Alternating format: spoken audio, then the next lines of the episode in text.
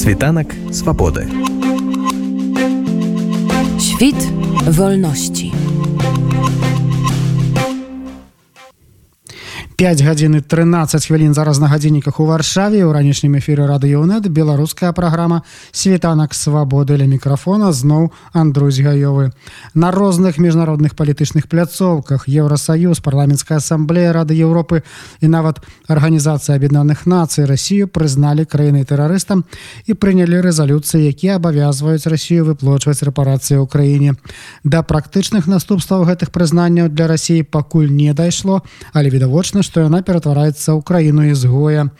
Так з 17 по 19 лютага наступнага года ў Мюнхене будзе праходзіць міжнародная канферэнцыя ў бяспецы, куды афіцыйных прадстаўнікоў рассіі не запрасілі.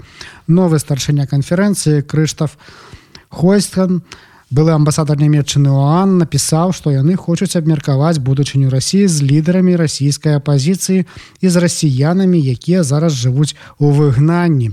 Пракаментаваць гэтыя акалічнасці мая калега Алена прыходзька попрасіла гісторыка і палітолага Александра Фрыдмана калі паглядзець на гэта з пункту гледжання Росіі но ну, гэта па-першае вельмі непрыемна канешне калі дзяржаву прызнаюць тэрарыстам і зноў уже каля калі паглядзець там на Еўропу і злучаныя штаты. Назіраецца кансенсус по гэтым пытанню что нават тыя краіны якія да Росіі ну, ставяцца досыць там прыязна ці нават нейтральна напрыклад тая ж тая ж венгрыя яна таксама да гэтага далучаецца і для Росіі гэта безумоўна такі вельмі непрыемны крок. Пакуль нічога практычнага няма але практычныя крокі таксама могуць быць. Гаворка же ідзе не толькі про тое каб прызнаць Россию дзяржавай тэрарыстам. Гаворка ідзеі пра падтрымку Украіны. Калі ты вырашыў что Россия гэта тэрарыст ты павінен дапамагчы той краіне якая з'яўляецца ахвярай тэрарыстычных акцый і дапамагчы усім тым что ты что ты маеш. Далей там справа ж ідзеі пра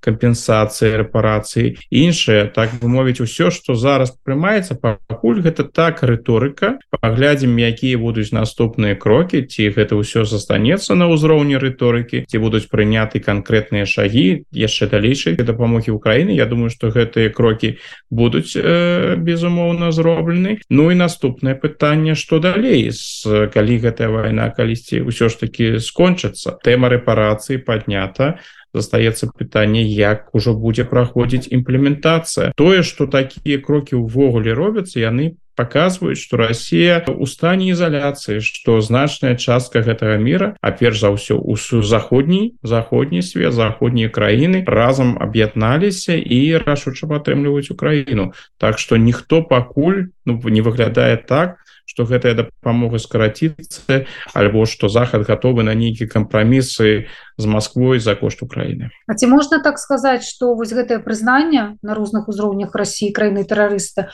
увогуле пазбаўляе Россию всякага шанса на тое каб перамагчы ў гэтай вайне? Тому что калі перамагае Россия то бок перамагае краіна тэрарыст ну то бок перамагае тэрарызм. Гэта азначае что захад не можа не допусціць перамогу Росіі сапраўды калі вы прызнаёце Россию краінай тэрарыстам то перамога Росіі ў гэтай вайне будзе перамогай тэрарыста краіны тэрарыста это значыць что захад павінен калі ён прынцыпова павозіць сябе ён павінен выкарыстаць увесь ресурс які ён мае для дапамогі Украіны для эфектыўнай дапамогі Украіны ты больш што гэтыя ресурсы яны сапраўды э, прысутнічаюць гэта першы момант другі момант усё ж таки так была і рэзалюцыя Ан паводле там кампенсацыі якія павінна будзе выплаціць Россия. Але гэта ўсё мае такі кансультатыўны характар бо гэта ж не прымушае Россию платіць гэтыя грошы канешне что мы аднак бачым гэта рэакцыя заходняга свету ўсё ж таки калі мы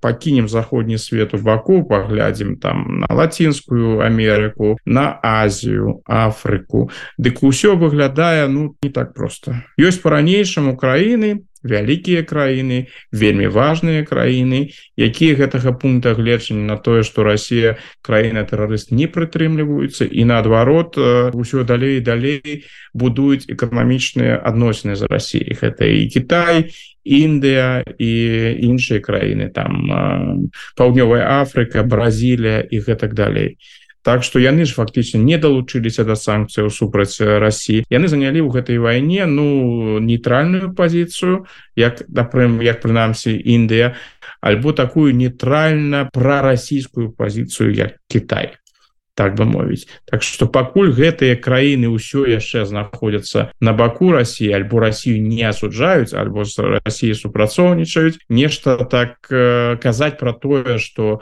у России няма ніякіх шансаў что яна не может перамагчы не выпадае. Такая магчымасць по-ранейшаму застаецца і мы павінны улічваць один факт. Так пакуль усё ў военным сэнсе Россия разгортваецца дрэнна перамога перамоги якую расіяне чакалі.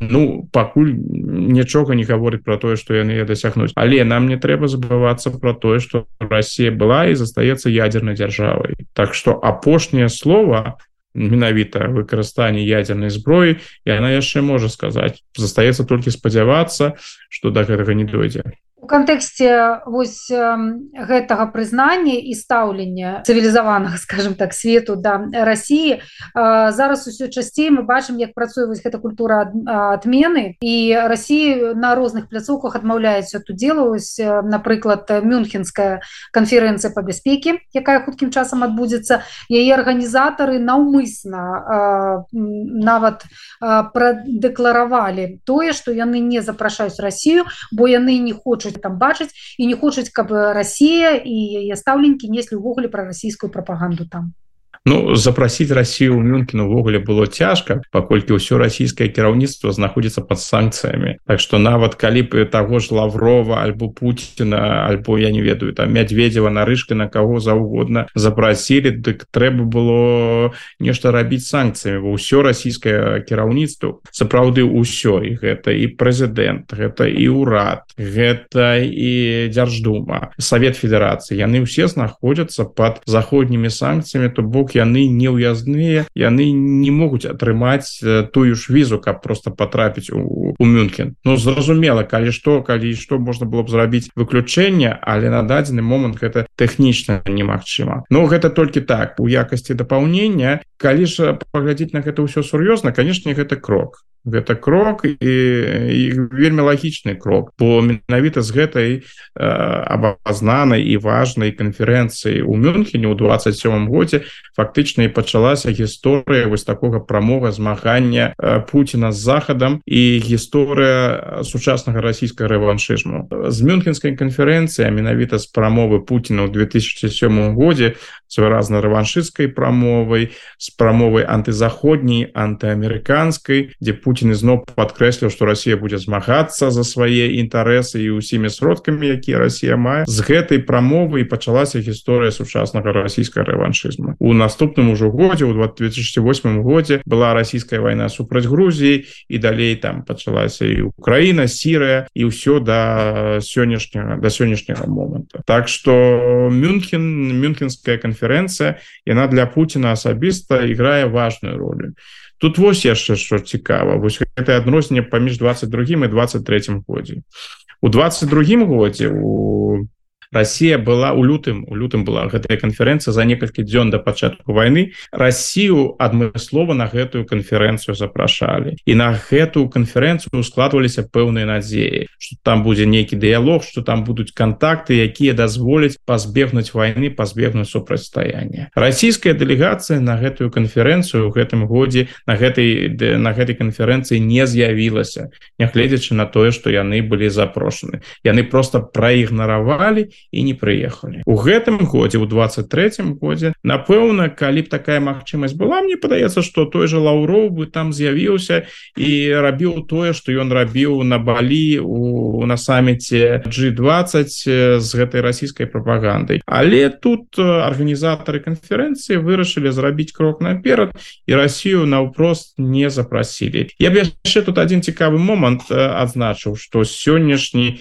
кіраўнік канферэнцыі Крыстоф Хойзген гэта досыць вядомы нямецкі дыпламат які апошнія гады апошнія гады канцельства Ангела Меркель быў адным з яе так бы мой дарадцаў. Прычым такі ён быў важны дарацца у Меркелі моцна відаць паўплы уплываў таксама на яе палітыку сёння гэта чалавек які прынцыпова выступае як за як мага маштабную дапамогу Украіне гэта тычыцца і зброі гэта тычыцца гуманітарнай дапамогі гэта тычыцца фінансаў. Хойзген адзін з тых людзей якія лічаць што лёс Еўропы і лёс заходняй цывілізацыі сёння вырашаецца у гэтым змаганні паміж Росіяй Украінай і таму захад просто павінен падтрымаць Украіну у усім усім магчымым Так что гэта яго прынцыповая пазіцыя Ну і у такі рэчышчы з такой прынцыповой пазіцыі запрашаць запрашаць афіцыйную расійскую дэлегацыю на гэтую канферэнцыю. Гэта бы вельмі сумнеўны крок.